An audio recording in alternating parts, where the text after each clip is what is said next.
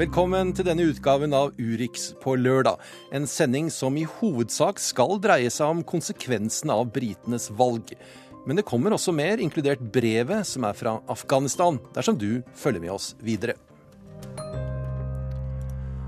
Og vi starter med europakorrespondent Tore Tollersrud i Brussel. Utenriksministrene fra de seks landene som var med på å opprette unionen, sitter nå i møte i Berlin.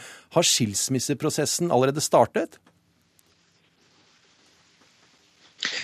Ja, dette er bare starten på en serie med krisemøter eh, der EU-toppene nå diskuterer konsekvensen av britenes dramatiske beslutning om å forlate unionen. Og Gjennomgangsmelodien det hørte vi også tydelig i går, at nå skal ting skje raskt uten unødvendig forsinkelse, selv om dette blir smertefullt eh, for britene, som det het i pressemeldingen fra Donald Tusk i går. Og EU sier i dag blankt nei til å vente helt til oktober ved å starte disse forhandlingene når da britene skal velge ny leder i det konservative konservative og få ny statsminister etter, etter Cameron. Det er også verdt å merke seg kanskje at eh, at EU-ledelsen nå uh, ikke bare snakker om forholdet til Storbritannia, men altså ser litt på seg sjøl og sier at unionen må endre seg, og at brexit er en vekker for dem. Annet Tysklands utenriksminister Frans Walter Steinmeier sier at nå er det viktig å lytte til folket. Hva med prosessen videre nå? Ligger det an til at uh, paragraf 50, altså skilsmisseparagrafen, vil bli brukt? Ja, den eh, vil bli brukt. og Det er britene som må trykke på knappen her, eh, så å si. Artikkel 50 i Lisboa-traktaten. Den inneholder en prosedyre for hvordan en medlemsstat skal melde seg ut. og Det har jo ingen land, i hvert fall ikke på Storbritannias størrelse, eh, gjort før. Eh, og det er også slik at Inntil den prosessen er over, som da tar et par år, så er Storbritannia fullverdig medlem av EU med alle rettigheter og forpliktelser det medfører. Så EU vil altså, eh, unnskyld, Britene vil altså være underlagt EU-lovene i to år til. Og etter at det er ferdig, så skal man jo framforhandle en ny avtale om relasjonen mellom EU og Storbritannia. De forhandlingene kan vare i fem år, eh, sa i hvert fall EU-president Donald Tusk før folkeavstemningen i Storbritannia. Det er et spørsmål om det indre markedet. Eh, kan eh, Storbritannia få restriksjoner før denne prosessen er fullført? Kan de bli nektet eh, adgang til det indre markedet før prosessen er fullført? Ja, det tviler jeg sterkt på. Det, slikt vil vel uansett ikke skje over natta. Men, men, dette er jo et veldig viktig spørsmål. Britene vil jo gjerne fortsette å ha tilgang til indre markedet, som jo består av 500 millioner mennesker, i hvert fall før britene har meldt seg ut. Og eh, det er også slik at Skal britene da være med i det indre markedet, så må de betale til EU-kassa.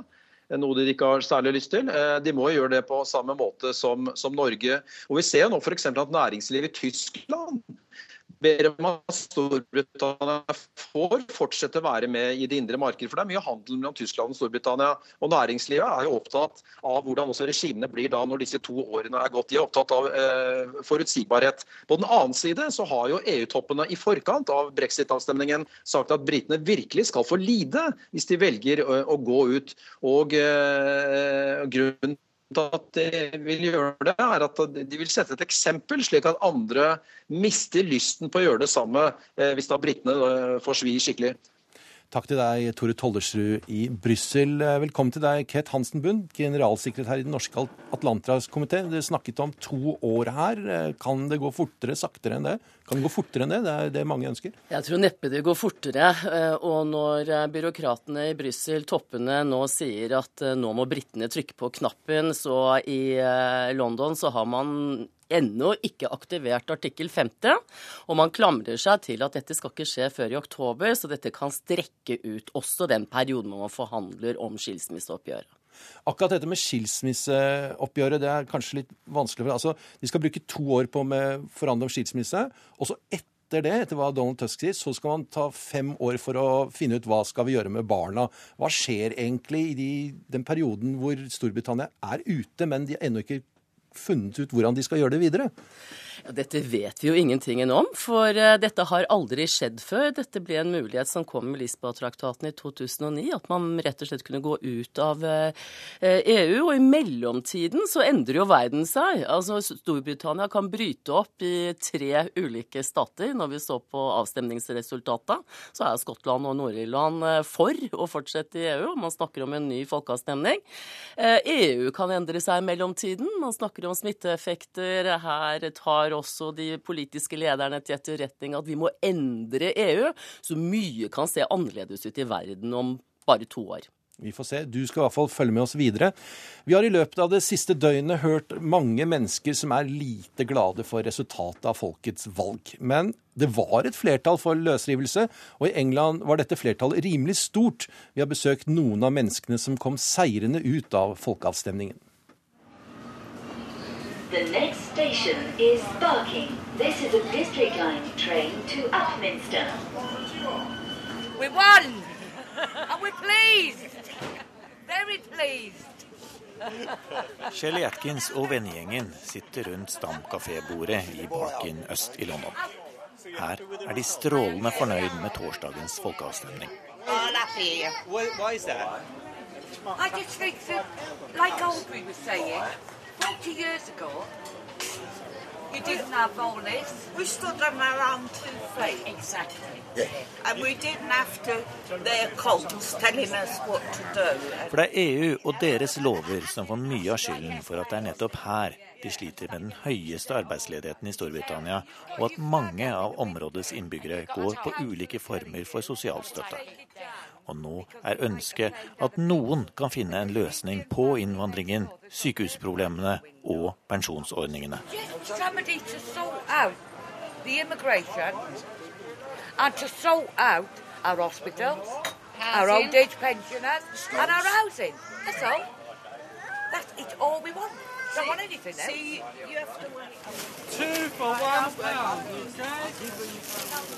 Men det er ikke alle som er like fornøyd med resultatet. På markedet i Barking selger Dennis to T-skjorter for ett pund. Og han frykter usikkerheten. Well, we don't know how it's going to affect us today, but wait and see, I guess. Maybe for me personally, I thought in the short thing, it's bad, but in the long term, it might be good. So who knows? Are you happy with the result? Not really, because I get a lot of. My stuff comes from abroad, so maybe the shipping costs might go up. Who knows? It's that devil you don't know, isn't it? It's what everyone's saying.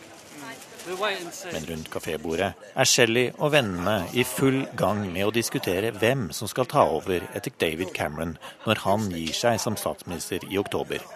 Og det er ingen som har tro på Boris Johnson eller Nigel Farage. Boris Johnson is a comedian, a politician. So, no, you don't want Boris. Oh, no, funny guy, but he don't know what he's doing. You know. We've just got to wait now and see who they're gonna. They need somebody that's strong to run the country, but we haven't got anybody. Shelley. You can't have that Nigel Farage because he De is. britiske bookmakerne derimot holder en knapp på at Londons tidligere ordfører eller den tidligere innenriksministeren Theresa May flytter inn i Downing Street i oktober. Men i Barking bryr de seg ikke så mye om det i dag. Der gleder de seg over en brexit. Og det var Christian Aanesen som var i Barking. London-korrespondent Espen Aas, hvem var det vi hørte i denne reportasjen? Ja, dette var folket, dette var grasrota, dette var en god del av dem som bli-siden tok for gitt, som de trodde kom til å stemme for å bli værende, men som overrasket hele etablissementet med å gjøre det stikk motsatte. De gjorde seg opp eh, sin egen mening og stemte altså for å gå ut av EU. London generelt sett var jo for øvrig en stor eh, i favør for å bli værende i EU, men noen av ytterområdene, særlig i øst, var veldig, veldig negativt til. Kanskje litt filosofisk spørsmål, men de vi hørte i reportasjen, kom de egentlig seirende ut?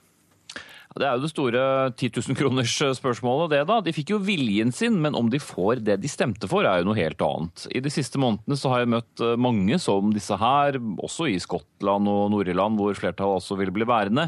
Og det er et sterkt ønske å få ned særlig antall arbeidsinnvandrere, kontrollere grensene, og også et eh, visst håp om at økonomien skal bli bedre her i Storbritannia fordi landet skal slutte å betale av disse pengene til Brussel hvert år.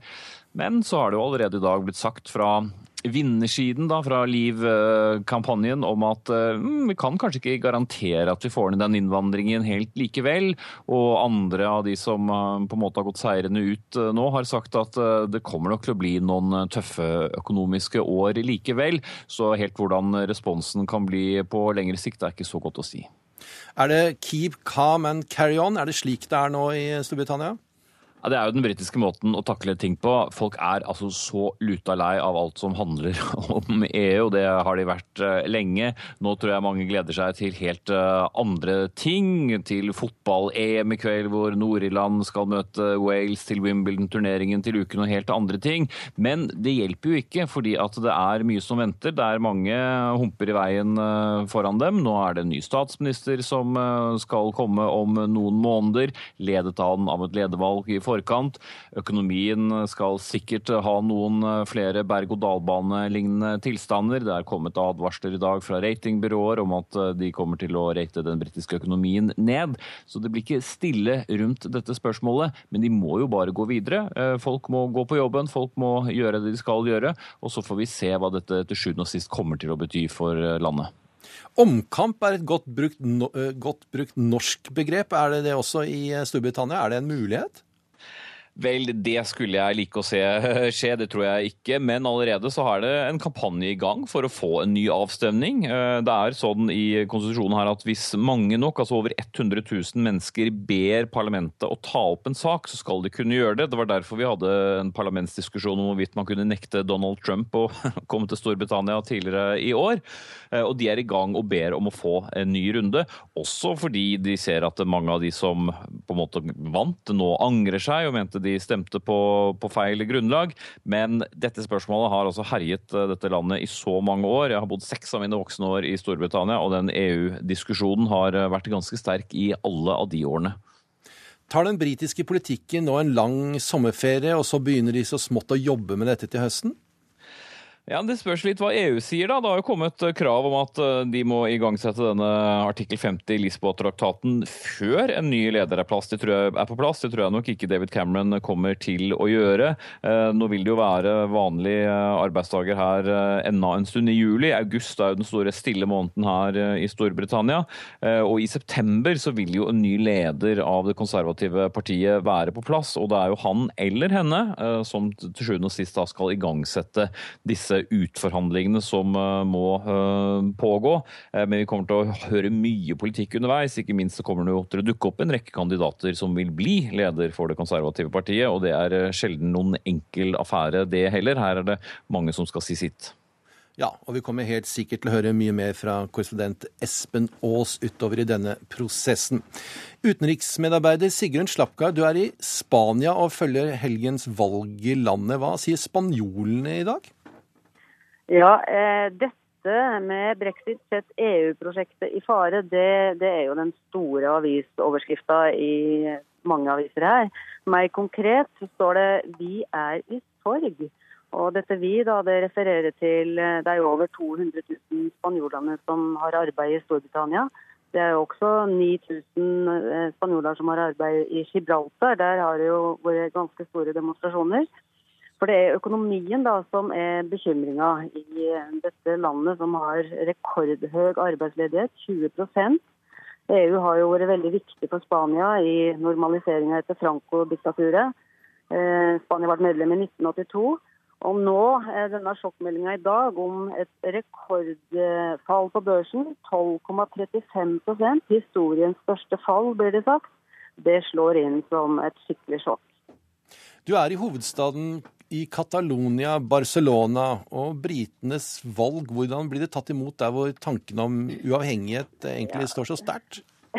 Dette er jo litt spesielt. Eh, eh, Vi ser til Skottland, var det en fyr som sa her, og, det er jo nettopp det eh, Catalonia gjør. Altså Mens resten av Spania kanskje er prega av eh, en, en viss valgtrøtthet. Altså De hadde sitt eget katastrofevalg før jul.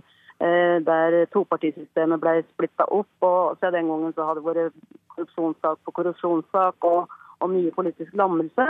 Mens her i Catalonia eh, så er det en viss eh, entusiasme, en, en viss glød å spore. For fordi de da nettopp ser til Skottland. Mange skotter vil jo gjerne tilhøre EU, og kanskje kvitte seg med London. Slik mange her vil eh, gjerne tilhøre EU, men kvitte seg med sentralmakta i Madrid. Så eh, den eh, vesle entusiasmen jeg har sporet, kommer kanskje nettopp da fra brexit-saka her i, eh, i Catalonia. Valget sånn som det skal nå pågå, vil eh, det som har skjedd i Storbritannia påvirke det på noen måte nå? Altså, Dette er jo et eh, nyvalg. fordi eh, som jeg akkurat nevnte, Det var jo et eget politisk jordskjelv her før jul, da valget eh, i desember sette to, topartisystemet ut av spill. Um, og fra den gangen en politisk handlingslammelse av dimensjoner. Og dette nyvalget som, som skal skje da i morgen, der er det utfordrerpartiet Podemos, um, de kan, som absolutt har mest vind i seila. Altså, eh, Meningsmålingene viser jo at Rajoy, den konservative statsministeren, har et slags eh, flertall.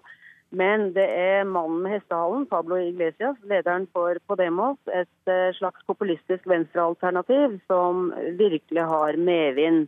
Hvordan brexit slår ut på oppslutninga der, er litt vanskelig å si.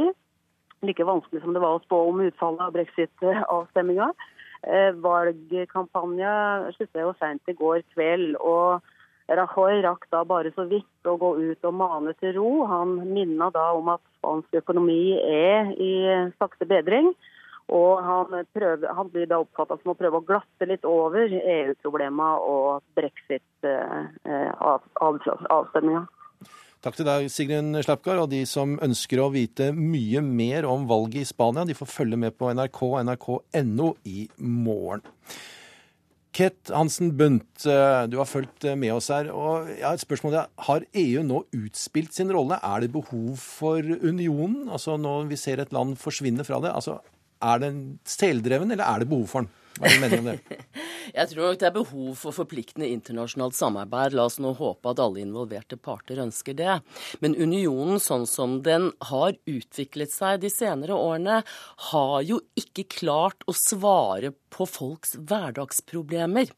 Så oppslutningen er svekket. og det er jo en reell interessekonflikt som foregår på innsiden, også i de europeiske landene, også i Storbritannia, hvor fri flyt av arbeidskraft på innsiden, fri flyt av eh, eh, flyktningeproblematikken, hele eurospørsmålet, har jo rammet de som står uten arbeid, de som har minst størst. Så det er blitt et økende gap mellom folk og elite. Det er litt dette britene også har stemt imot. For hvis man ser på stemmeresultatet, så er det jo eldre menn i eh, arbeiderområder eh, som eh, har stemt for å forlate unionen.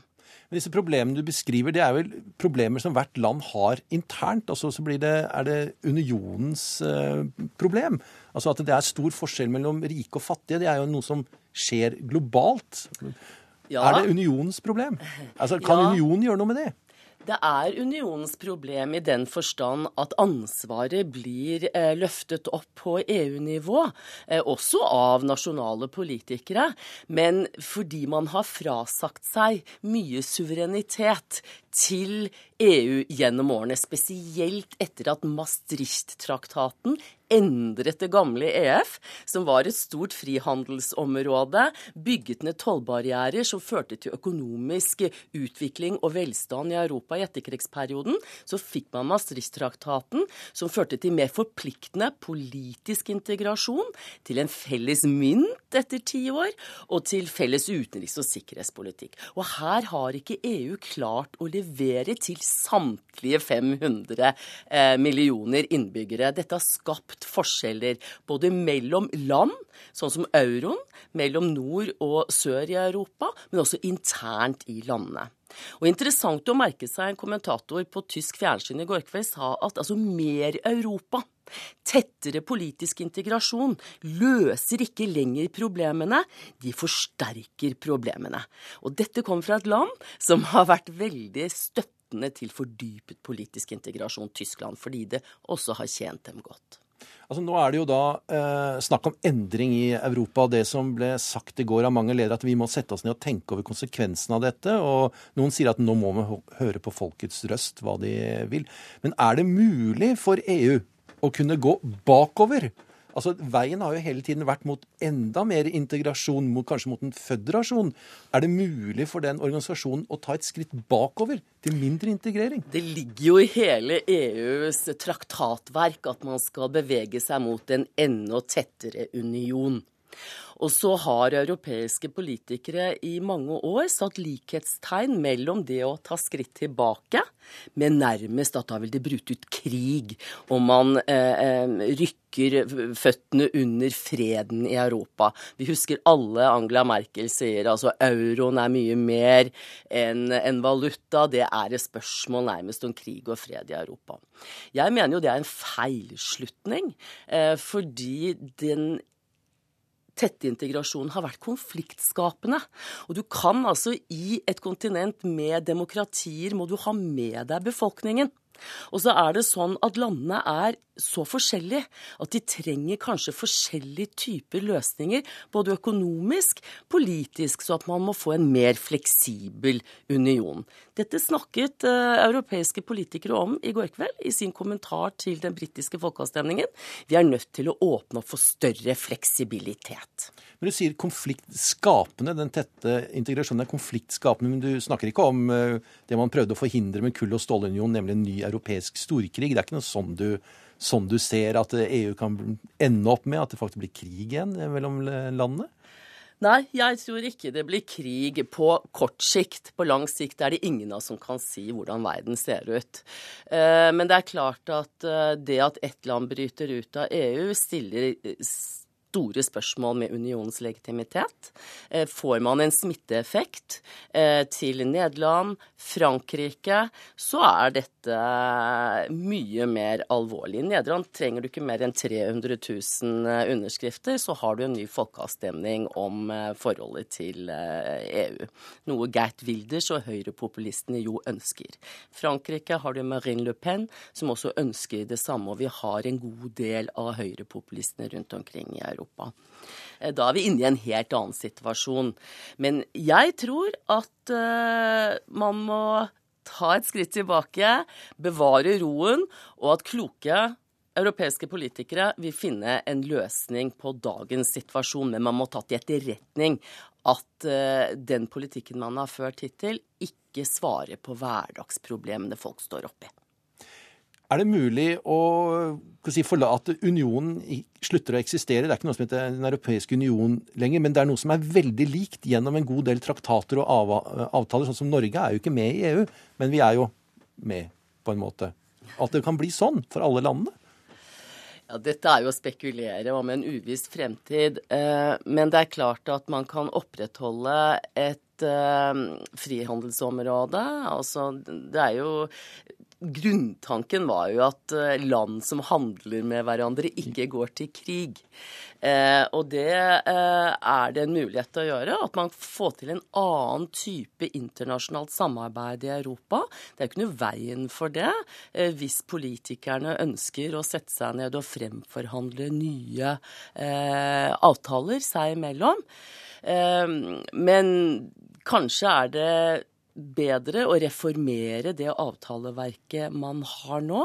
Men spørsmålet er at det, disse landene har jo ulike interesser. Det er jo det vi har sett hele veien. At det er vanskelig å komme frem til traktater. Det er jo ikke mer enn ti år siden Frankrike og Nederland stemte ned grunnlovstraktaten.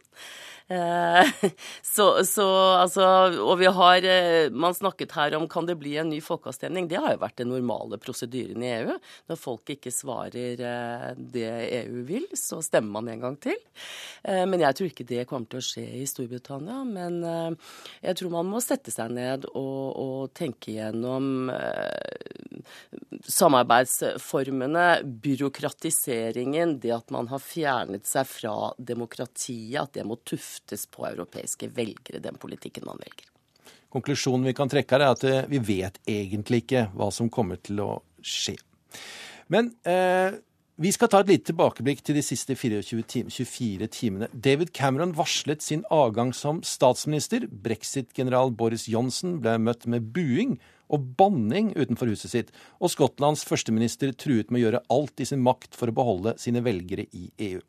Det har vært et dramatisk døgn i Storbritannia etter at, det, etter at det til mange store overraskelser ble klart at britene hadde stemt seg ut av Den europeiske union. Vi skal få noen smakebiter, først til BBC og programleder David Dimbleby. Well, at 20 minutes to five, we can now say the decision taken in 1975 by this country to join the common market has been reversed. The British people have spoken, and the answer is we're out.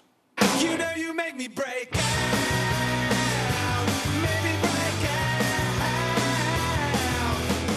Let June the 23rd go down in our history as our Independence Day.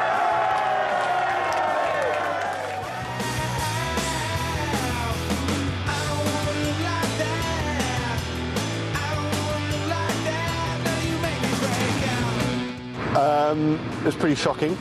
Uh, I was very surprised, um, and it's going to be a really interesting and very scary time, I think, ahead of us for the next five, ten years. I'm absolutely devastated um, by this morning's result. I think it's completely idiotic. I think it's economic insanity. Uh, I just think the EU is going on longer than it needs to be. I mean, it was, it's become something that was never meant to be, and I think in the end it was better for us to be out.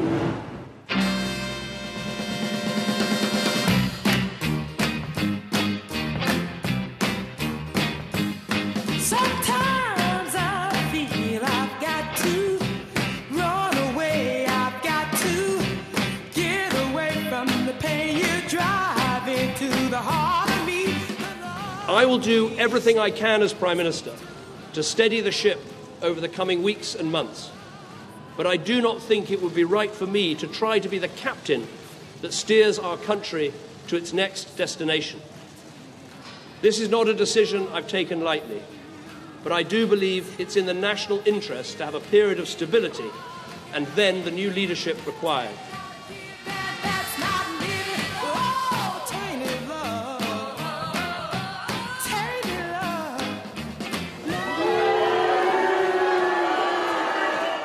I've known David Cameron for a very long time, and I believe he's been one of the most extraordinary politicians of our age. It was his bravery that gave this country the first referendum on the European Union for 43 years, the first time that many of us have had the chance to vote explicitly on this question. Today, I think all of us politicians should thank the British people because, in a way, they have been doing our job for us. They hire us to deal with the hard questions, and this year we gave them one of the biggest and toughest questions of all. I want to make it absolutely clear today that I intend to take all possible steps and explore all options to give effect to how people in Scotland voted. In other words, to secure our continuing place in the EU and in the single market in particular.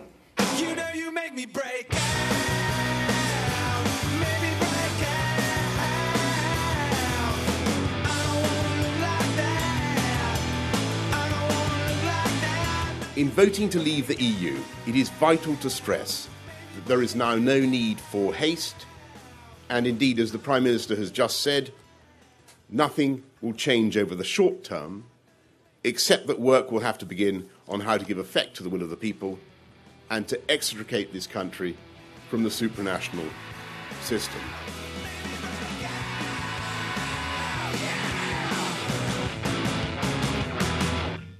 Ja, det var Wenche Eriksen som hadde satt sammen dette lille tilbakeblikket. Gry Blekestad Almås i London, du har fulgt dette dramaet fra begynnelsen til slutt. Det er ikke helt slutt, da er det ikke, men i hvert fall til nå. Både som korrespondent i London og som programleder i Urix. Eh, Jeg tenkte vi skulle snakke litt om persongalleriet her.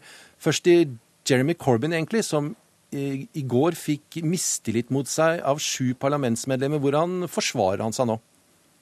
Nei, Han har sagt at han ikke kommer til å trekke seg. Det er det han har eh, sagt så langt. Men han skal eh, holde en tale til eh, folket nå, ganske snart. Så da får vi høre hva han har å si i dag. Det er faktisk oppi ni parlamentarikere, er i hvert fall det siste tallet jeg så, som nå krever at han trekker seg. Eh, De mener at han har gjort en for dårlig jobb i å få Labours velgere til å stemme for videre EU-medlemskap, som er det partiet offisielt står for. Så skal dette mistillingsforslaget mot ham diskuteres i partiet på mandag, og det kan ende med at de stemmer over hans skjebne allerede på tirsdag. Og så om eh, David eh, Cameron. Han spilte høyt, og han tapte. Hva blir sagt om han nå? At han er en taper? Eh, ja, det blir sagt akkurat det du sier. Han spilte høyt, og han uh, tapte. Dette var jo en folkeavstemning han egentlig aldri ønsket å holde, men han ble tvunget til det av sterke EU-skeptiske krefter i sitt eget parti, da de så at velgere fjernet seg fra det konservative partiet og trakk mer mot uh, UKIP, som er det britiske uavhengighetspartiet. Uh, Cameron håpet jo at dette skulle sette en stopper for den giftige EU-debatten som alltid har preget britisk politikk. Eh, Men det er lite akkurat nå som tyder på at den debatten er slutt. Nå ser vi jo også at eh, noen angrer på den eh, brexit-stemmen de la i urnen. Eh, Men, men vi får se da hvor mye debatten blir framover. Nå vet vi jo at Cameron selv ønsket å bli værende i EU. Eh, Det spørs om han kanskje kommer til å bli husket nå som han som tok Storbritannia ut av EU, og kanskje også som fører til slutten på hele Storbritannia som en union, med tanke på at skottene nå kanskje ønsker å holde en ny uavhengighetsavstemning og trekke seg ut av eh, unionen. David Cameron skal ha en hånd på rattet frem til eh, oktober. Det var nesten ordene han brukte, om skuta og lignende. I den tiden håper EU-lederne at det skal skje mye. Vil Cameron være en troverdig kaptein opp mot EU de neste månedene? Ja, Nå kommer jo kravene om at det skal være en fortgang i forhandlingene også. Eh, Det er jo ingen tvil om at Cameron vil ønske å få de best mulige avtalene for Storbritannia med EU. Men han sa jo eh, i talen i går at han ikke er rette mannen til å styre Storbritannia mot en fremtid som han ikke ønsket seg. Han, han ønsket jo å bli i EU.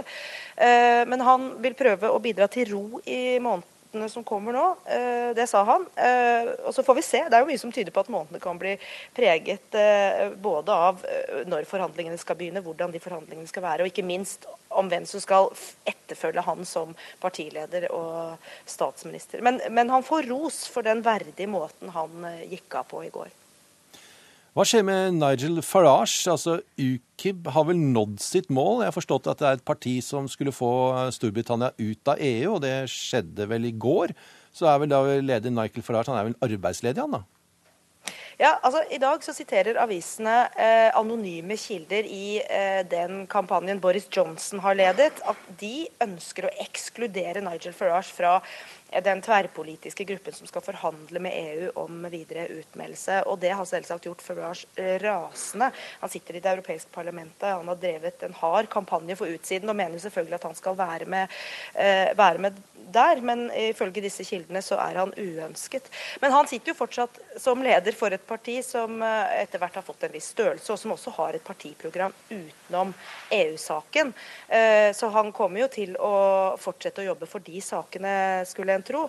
Eh, Men om velgerne ser nytten av å støtte det partiet videre når man nå har kommet til en brexit, det, det får vi jo bare se på, da. Og så har vi Boris Johnson. Han eh, sto på TV i går og så litt ukomfortabel ut i dressen sin og det røde slipset. Det var ikke, det var ikke så veldig mye vi kunne se av hans eh, vanlige løssluppenhet og sjarmen hans. Hva, hva er egentlig prosjektet til Boris Johnson nå? Ja, og Vi hørte den buingen også da han gikk ut fra hjemmet sitt uh, i går. Så er det klart at det er jo veldig delte meninger om, om Boris Johnson. Men når du hørte på den talen han holdt i går, så virket det på meg som han prøvde å samle partiet og framstå som en statsmann som kunne, kunne være en samlende leder. Da. Han snakket uh, bl.a. direkte til de unge velgerne, de som hadde stemt eh, for videre medlemskap. Han prøvde å berolige dem at eh, dette ikke betyr at Storbritannia isolerer seg fra Europa og fra verden, men at eh, man nå har valgt en annen måte å forholde seg til det internasjonale samfunnet på. Så For meg virker det som om bereder grunnen for at han kanskje kan bli den neste lederen i det konservative partiet. og og statsminister. Eh, Det er i hvert fall liten tvil om at det er hans ambisjon. Eh, Men så får man se nå da den diskusjonen som følger, om det er det partiet ønsker. Det er jo også andre som nevnes som aktuelle kandidater. Og som jeg var inne på, han er, eh, det, er veldig, det er veldig ulike meninger om han, også innad i partiet. Han er ikke veldig populær blant parlamentarikerne i det konservative partiet, f.eks.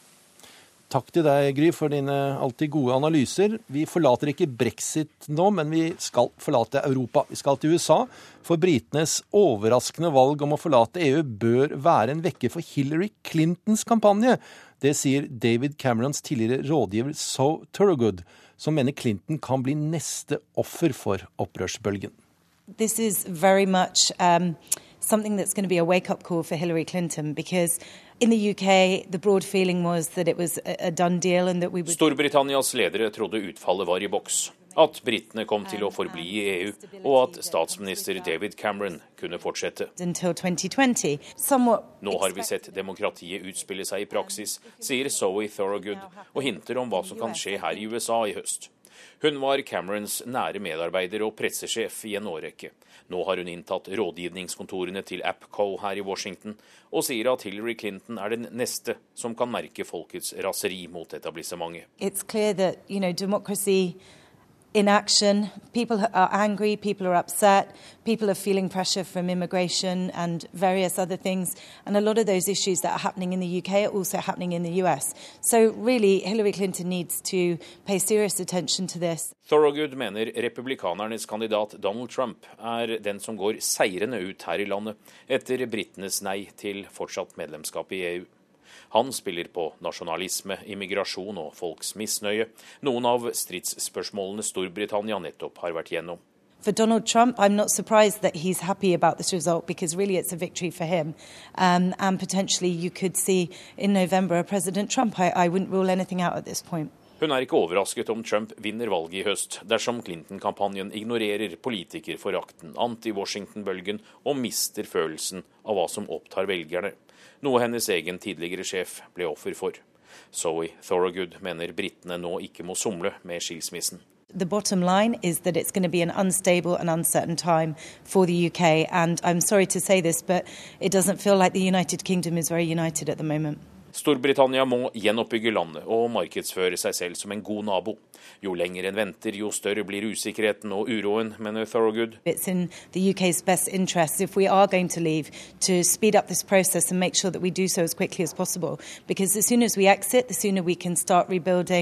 Um, and you know, remarketing ourselves as a country and hopefully a good neighbour to the EU and start building back up some of those agreements. Uroen, både økonomisk og politisk, kan spre seg også hit. Anders Tvegård, Washington.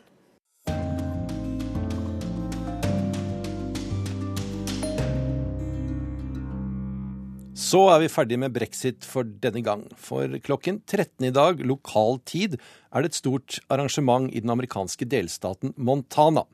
Da skal slaget om Little Big Horn utspilles på nytt i det amerikanerne kaller en reenactment. Enactment.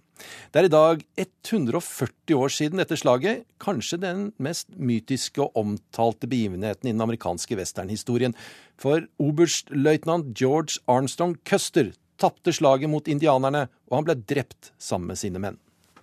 The Lakota and Cheyenne moved north and formed a new camp along a winding stream they called the Greasy Grass.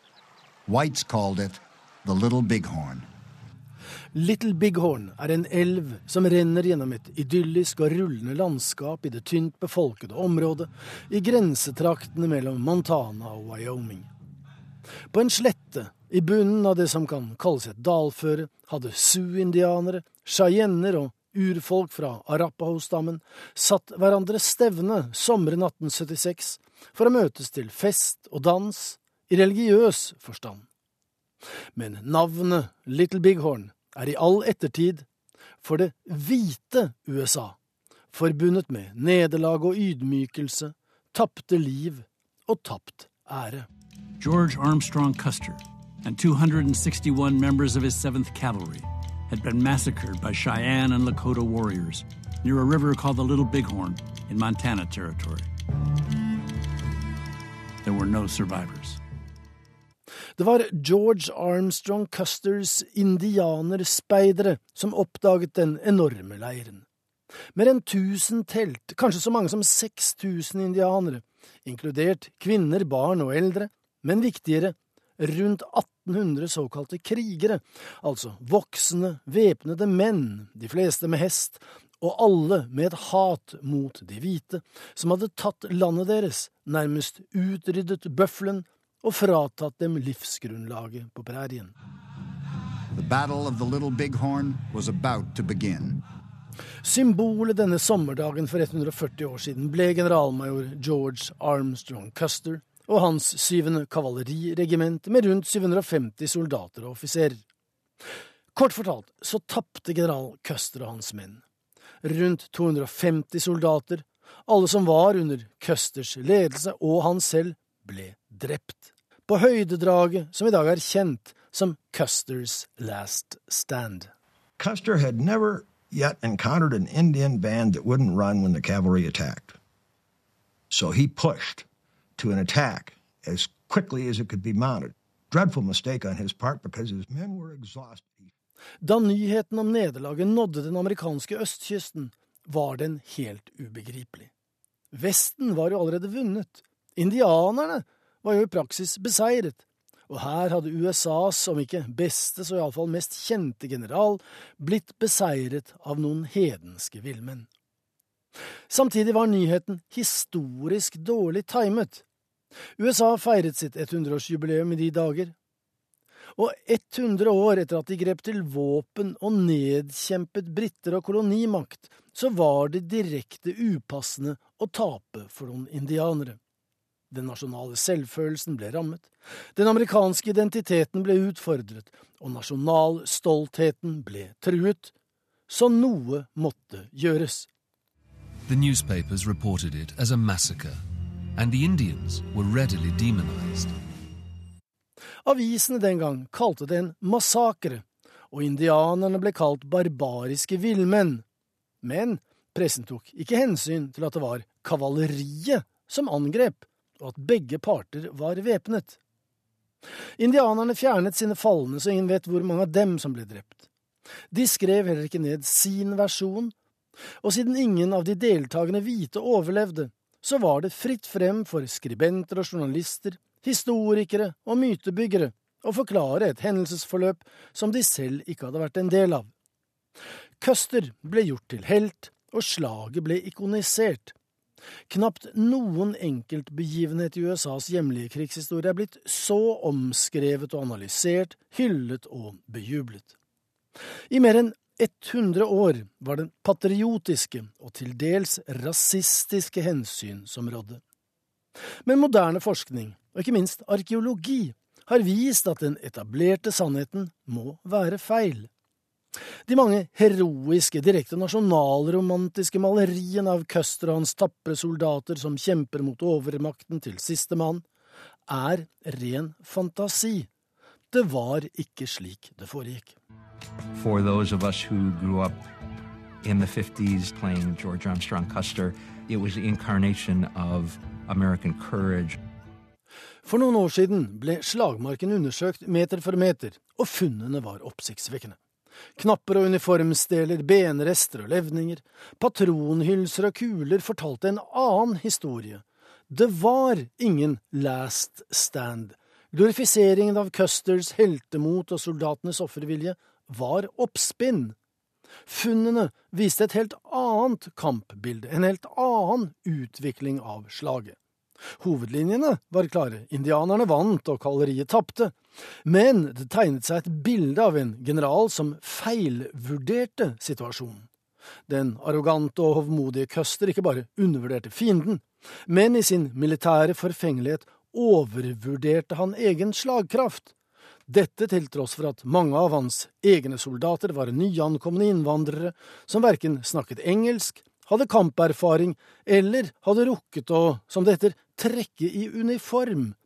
De var rekrutter, underernærte og utrente. Det var faktisk indianerne som fikk lett match.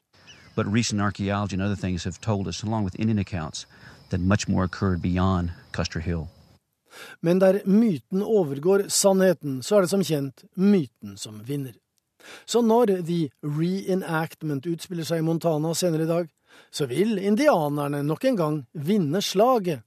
Men mange hvite turister som bivåner forestillingen, vil nok allikevel forlate Little Bighorn i trygg og uendret forvissning om hvordan det hele egentlig gikk for seg den gangen for 140 år siden. Ja, og det var det Joar Hoel Larsen som sa. Vi har kommet frem til ukens brev, og det er fra korrespondent Kristin Solberg. Og det er postlagt i Afghanistan, et land Kristin har et intenst forhold til. Ikke gå på gaten, sier en afghansk venninne. Og du må alltid bruke hijab. Utlendinger blir kidnappet. Senere samme dag gjentar hun det i telefonen. Neste dag skriver hun en e-post med samme melding. Jeg er bekymret for deg, skriver hun. Kabul er ikke som det var. Jeg er tilbake i Kabul for første gang på tre år. Det er en by jeg en gang kalte hjem. Jeg bodde her i to år. To på mange måter skjellsettende år. De sier at alle som dekker kriger, har en krig som definerer dem mer enn de andre. Som regel er det den første, sies det, som i kjærligheten. Jeg er ikke enig i det verken i krig eller i kjærlighet.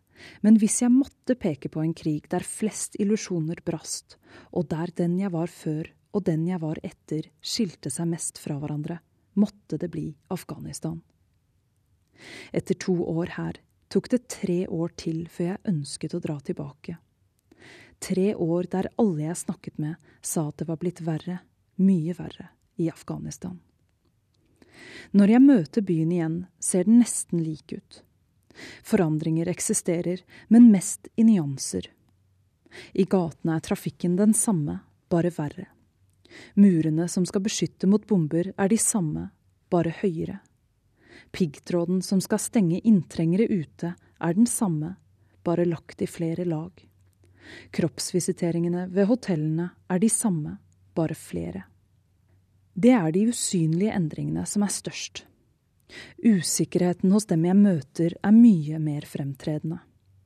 Minuttene jeg kan tilbringe ute på gaten uten å tiltrekke uønsket og noen ganger fiendtlig oppmerksomhet, er langt færre. Antallet mennesker som sier de vil forlate Afghanistan, at her finnes ikke en fremtid, var høyt før, men nå møter jeg knapt en person som ikke sier det. Som min venninne som tre ganger på et døgn ber meg om å unngå å gå på gaten. Da jeg besøker henne, merker jeg endringen idet jeg går inn døren. Hjemmet hennes ser annerledes ut, tommere. Vi solgte alle møblene, forklarer hun, og sønnen min sluttet på medisinstudiet. For trekvart år siden skulle hun og familien forlate Afghanistan og flykte til Europa, etter å ha mottatt flere dødstrusler fra mennesker de ikke visste hvem var. Alle forberedelser var gjort. De betalte en menneskesmugler 15 000 dollar, over en hel årslønn, for å ta det med til Russland, så videre til Norge over grensen på Storskog. Men før de fikk dratt, ble menneskesmugleren arrestert, grensen ved Storskog stengt, og nå sitter de her, 15 000 dollar og en god del håp fattigere.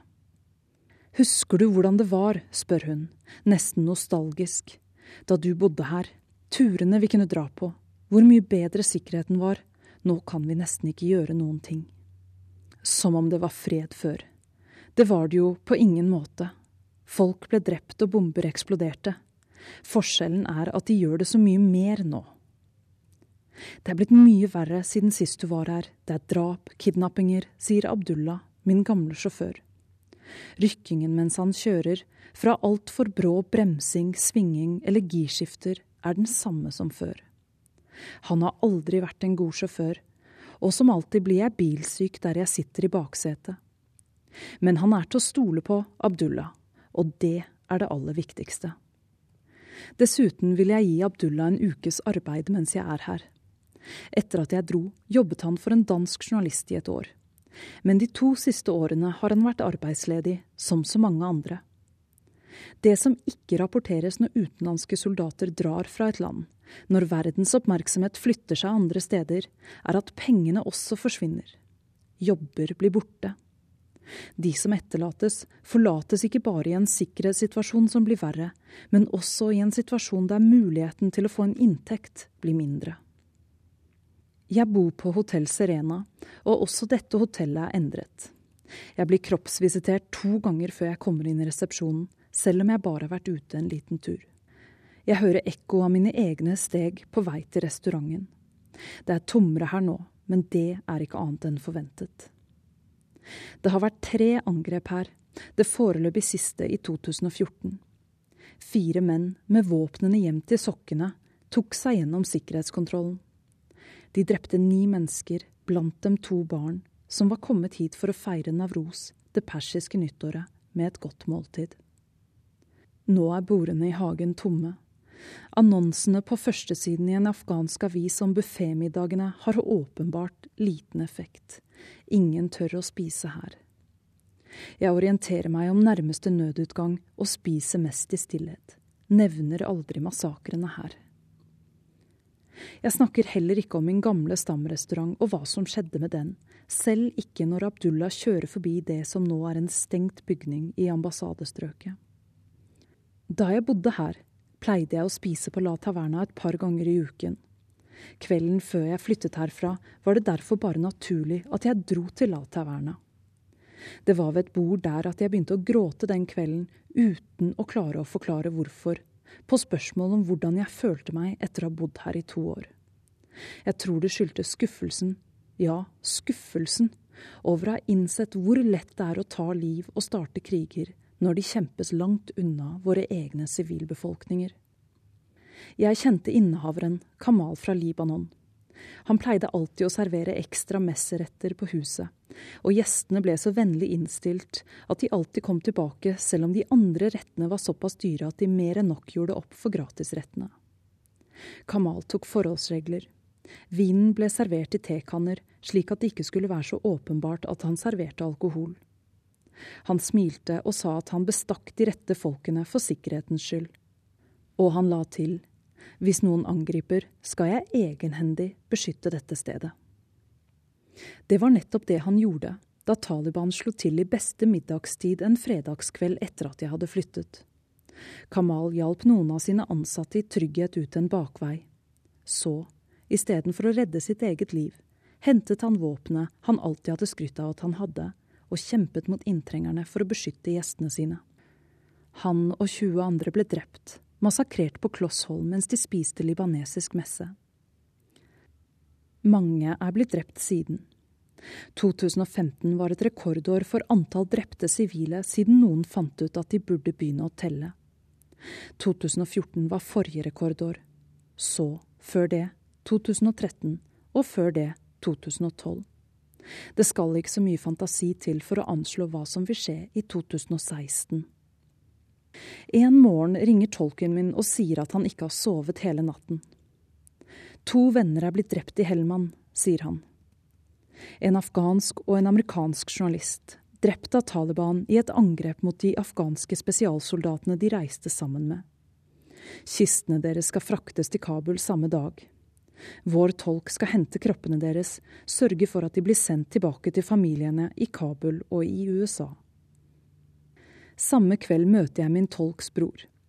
Også han kjente den afghanske journalisten, og ansiktet hans er dratt. Da jeg sjekket Facebook i dag, sier han, innså jeg at fire av mine venner er blitt drept bare det siste året. Profilene deres er der ennå. Etter hvert merker jeg at det er én ting som mangler i Kabul nå. Det pleide å henge en plakat med en reklame for et mobilselskap et sted i gatene. Der var det et bilde av en ung mann med en telefon i hånden. I røde bokstaver sto det The future is yours. Jeg kjørte ofte forbi den før. På gode dager kunne jeg smile oppgitt av den åpenbare usannheten.